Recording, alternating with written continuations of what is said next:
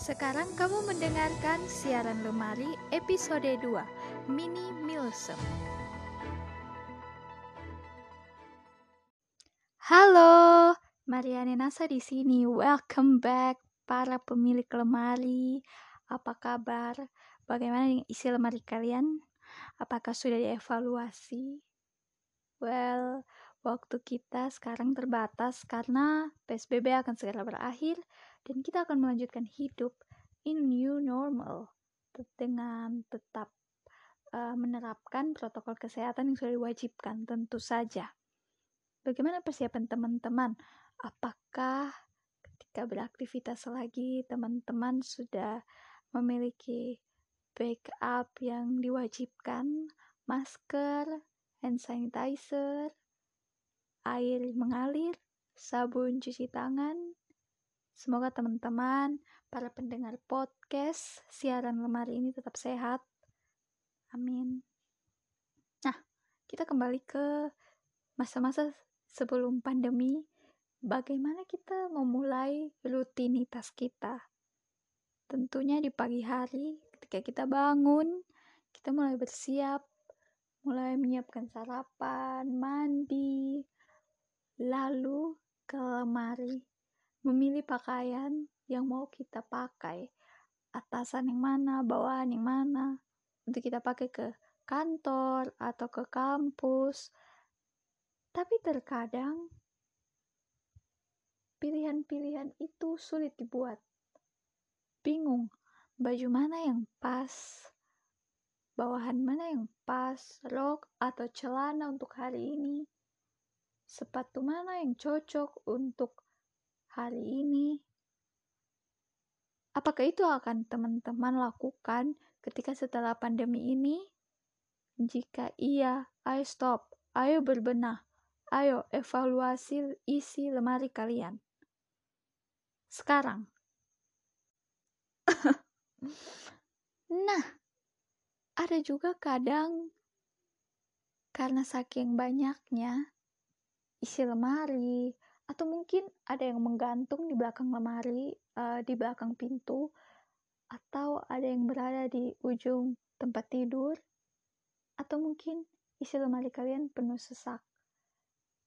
Nah, di sini ketika banyaknya pilihan itu justru bikin kita tambah pusing dan akhirnya merasa tidak ada yang bisa dipakai. Ini kenapa padahal sebenarnya lemari kita penuh hanya kita sulit untuk membuat pilihan. Kemudian, pertanyaan yang lain yang mungkin sulit juga dijawab untuk beberapa orang itu, sebenarnya mereka itu butuh berapa kaos? Atau sebenarnya mereka itu butuh berapa pasang sepatu?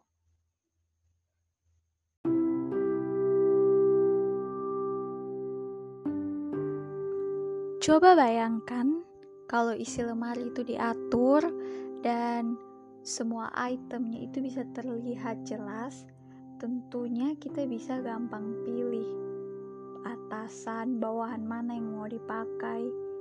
Dan kalau misalnya pakaian kita sudah dikalkulasi menurut kesukaan kita yang mana, ton warna yang sesuai dengan pribadi kita itu yang mana, tentunya isi lemari kita itu bisa lebih padat dengan pilihan-pilihan yang akan kita ambil. Jadi itu uh, lemari kita itu bukan padat dengan berbagai macam item yang justru bikin kita semakin pusing untuk mau pilih yang mana untuk dipakai hari ini, tapi dengan sedikitnya pilihan yang sudah pasti kita suka, sudah pasti kita bisa pasangkan dengan atasan bawahan yang berbeda, tentunya itu bisa memudahkan kita dalam menentukan pilihan ketika memilih pakaian di dalam lemari.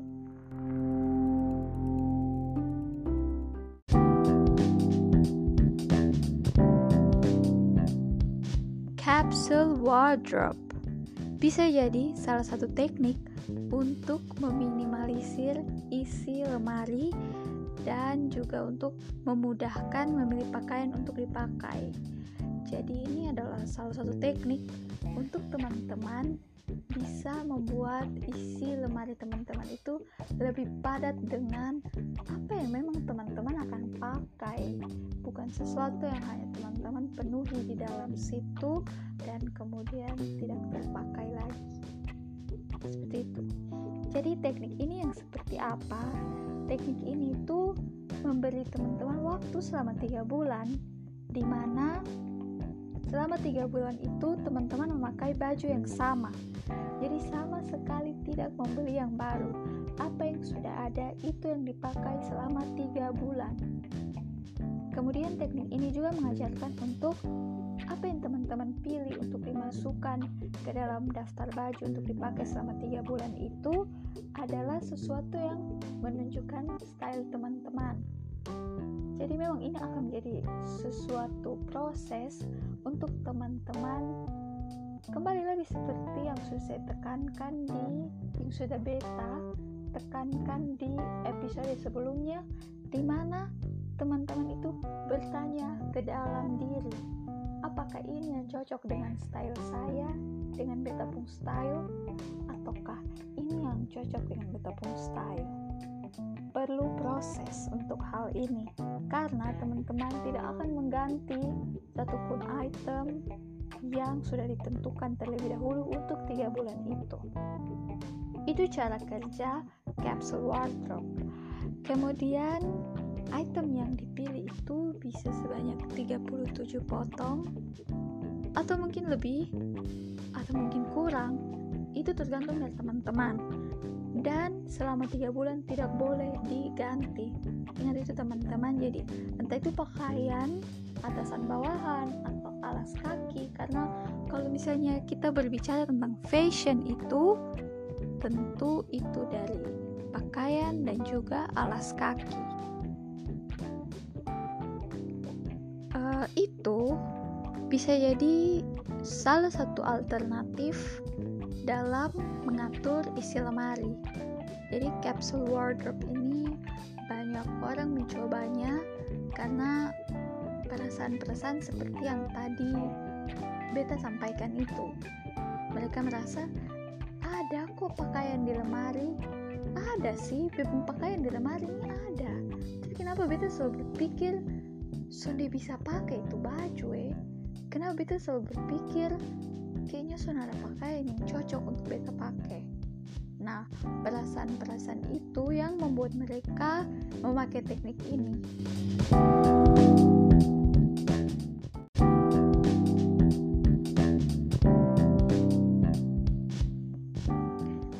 Selain itu ini satu hal yang mungkin bisa membantu teman-teman. Jadi karena selama tiga bulan itu kita tidak membeli baju baru. Tentu ini akan membantu ketika kita hendak membeli sesuatu. Jadi bisa lebih hemat, teman-teman tidak harus um, ketika melihat promo-promo karena dalam diri sendiri teman-teman sudah menentukan untuk ah di tiga bulan ini beta sudah boleh beli baju baru dengan begitu, meskipun ada sale-sale di mana-mana atau promo-promo atau mungkin ada tren terbaru, teman-teman tidak termakan oleh itu. Intinya di sini teman-teman berlatih untuk ini karena memang ini bukan hal yang mudah, teman-teman harus berlatih dan beta harap semua bisa, semua bisa lakukan ini asal mau mulai. Harus mulai dong, karena kalau teman-teman tidak memulainya, entahlah itu bisa terjadi atau tidak beta mau kasih sedikit gambaran. Beta dekat dengan anak-anak um, no bukan dekat dengan anak-anak. Beta mengajar anak-anak jadi beta dekat dengan dong. Nah di sini beta juga suka menggambar jadi beberapa anak-anak beta suka menggambar dengan dong. Ini beta mau memberikan gambaran untuk uh, ke teman-teman kenapa harus rapi dan uh, dari rapi itu bisa membantu ketong untuk um, menentukan ketong punya pilihan. Nah seperti itu. Dan juga menunjukkan ketong punya batasan. Nah di sini beta itu suka menggambar dan terkadang beberapa anak-anak suka kita ajar mereka untuk menggambar. Nah, kalau misalnya ajar anak-anak menggambar, ketika satu kertas yang kosong kita beri ke mereka, kemudian coba gambar boneka atau coba gambar tumbuhan. Maka di dalam satu kertas yang kosong itu anak-anak akan cenderung untuk menggambar dan memenuhi uh, satu kertas itu.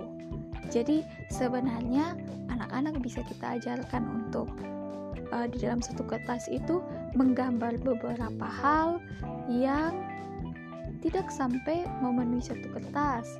Tapi karena kertas itu diberikan kosong seperti itu saja kemudian disuruh coba gambar boneka mereka gambar dengan memenuhi seperempatnya. Atau coba gambar pohon kemudian tiga perempatnya terisi. Jadi di dalam satu kertas itu hanya ada dua gambar coba kalian rubah cara mereka menggambar dengan membagikan kertas itu ke dalam kotak-kotak.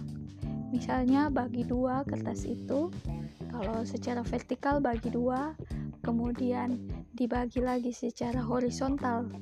Dibagi dua maka akan ada empat kotak. Coba teman-teman minta untuk di kotak pertama digambar boneka kotak kedua gambar pohon kotak ketiga digambar um, rumah dan kotak keempat digambar suatu hewan tentu di satu kertas yang tadi jika tanpa satu aturan anak-anak bisa menggambar dua saja. Tapi ketika ada aturan untuk menggambarnya itu di dalam batasan-batasan anak-anak bisa menggambarnya itu untuk empat item jadi ini seperti ketika kita mengatur sesuatu ketika kita memberi batasan-batasan untuk itu tentunya teman-teman akan melihat bagaimana sesuatu itu akan tampak dengan lebih jelas karena sudah ada batasan-batasannya. Jadi ketika teman-teman para pemilik lemari ini mengatur item-item yang ada di dalam lemari teman-teman. Dengan begitu, sudah terlihat jelas item-item tersebut, sehingga ketika teman-teman mau memilih, itu teman-teman bisa memilih dengan lebih lebih efektif. Teman-teman tidak harus mengeluarkan tenaga yang lebih banyak atau waktu yang lebih banyak emosi teman-teman itu bisa lebih dikontrol karena terkadang kalau misalnya sudah kelelahan dengan memilih isi pakaian, uh, memilih suatu pakaian, itu teman-teman akhirnya jadi asal karena waktu sudah menuntut untuk teman-teman harus segera bergegas.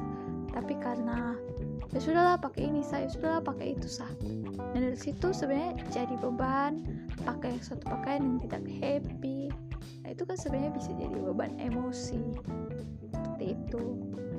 Nah, Kenapa tindakan-tindakan kecil seperti ini perlu Tong lakukan? Tong ibaratkan dia dengan setitik tinta.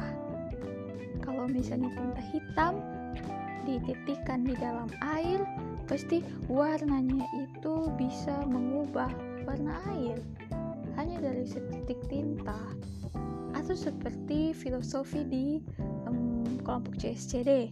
Di sini komunitasnya ketong itu um, ketong ibaratkan seperti lilin.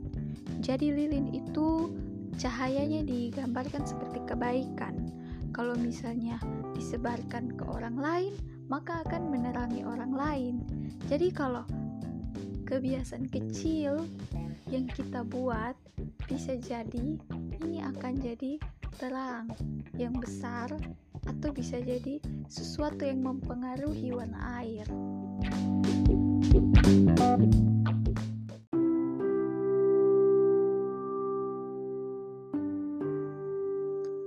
Beta termasuk beruntung karena punya mama yang ketika membeli pakaian itu selalu diajak untuk berpikir kembali kalau misalnya pakaiannya sudah tidak mau lagi untuk dipakai atau sudah sesak. Ya meskipun selama ini belum ada pakaian yang terlalu sesak-sesak amat sih. Because I'm mini mini me. Jadi sebenarnya hmm, judul minimalism itu karena itu uh, saya beta itu mini saja.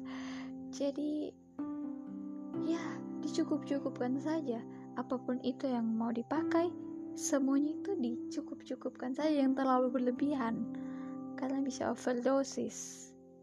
Kayak gitu sih.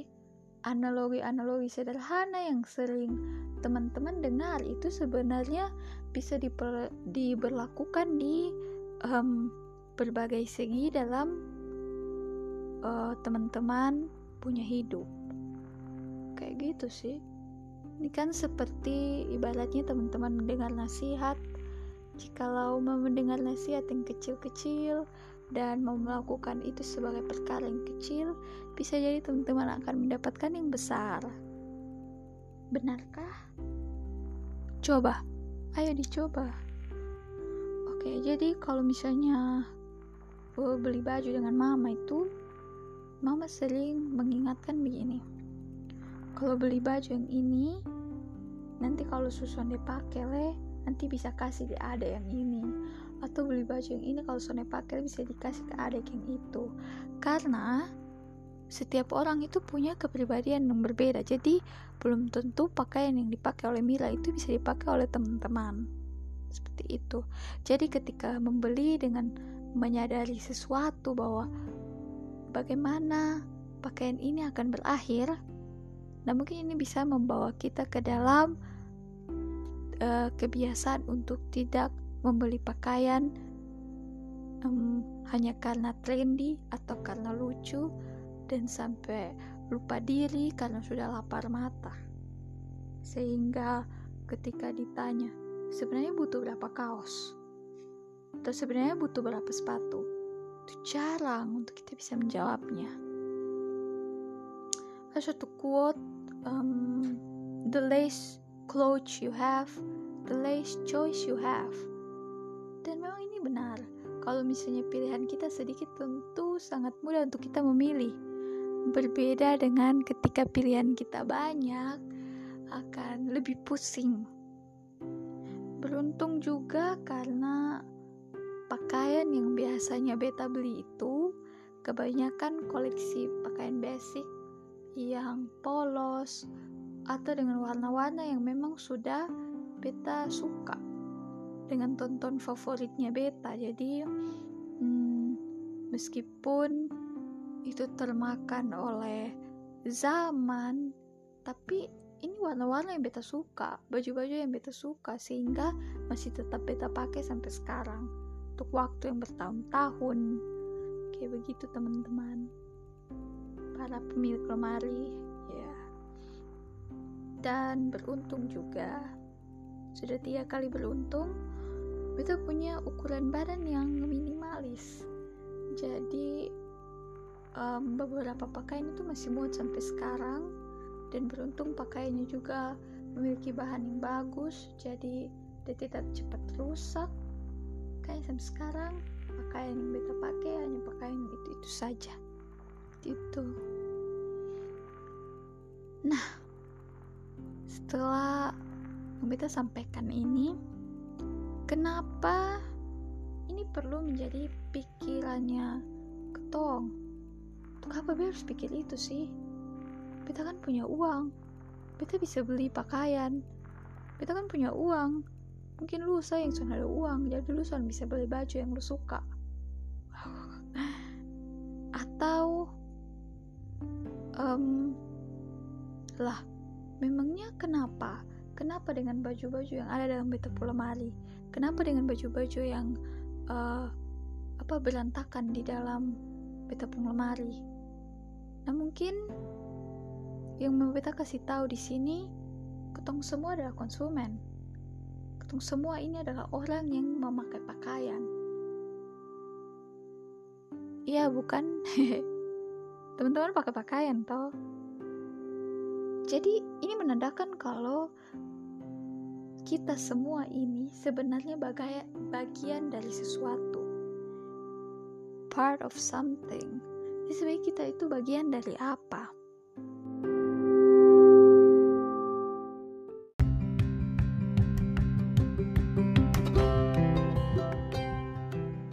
Kalau misalnya berbicara soal pakaian, kemudian pakaian tersebut sudah tidak mau kita pakai lagi, atau pakaian tersebut sudah jarang kita pakai kemudian bingung mau dikemanakan dan dibuang tentunya pakaian itu bisa jadi sampah limbah tekstil.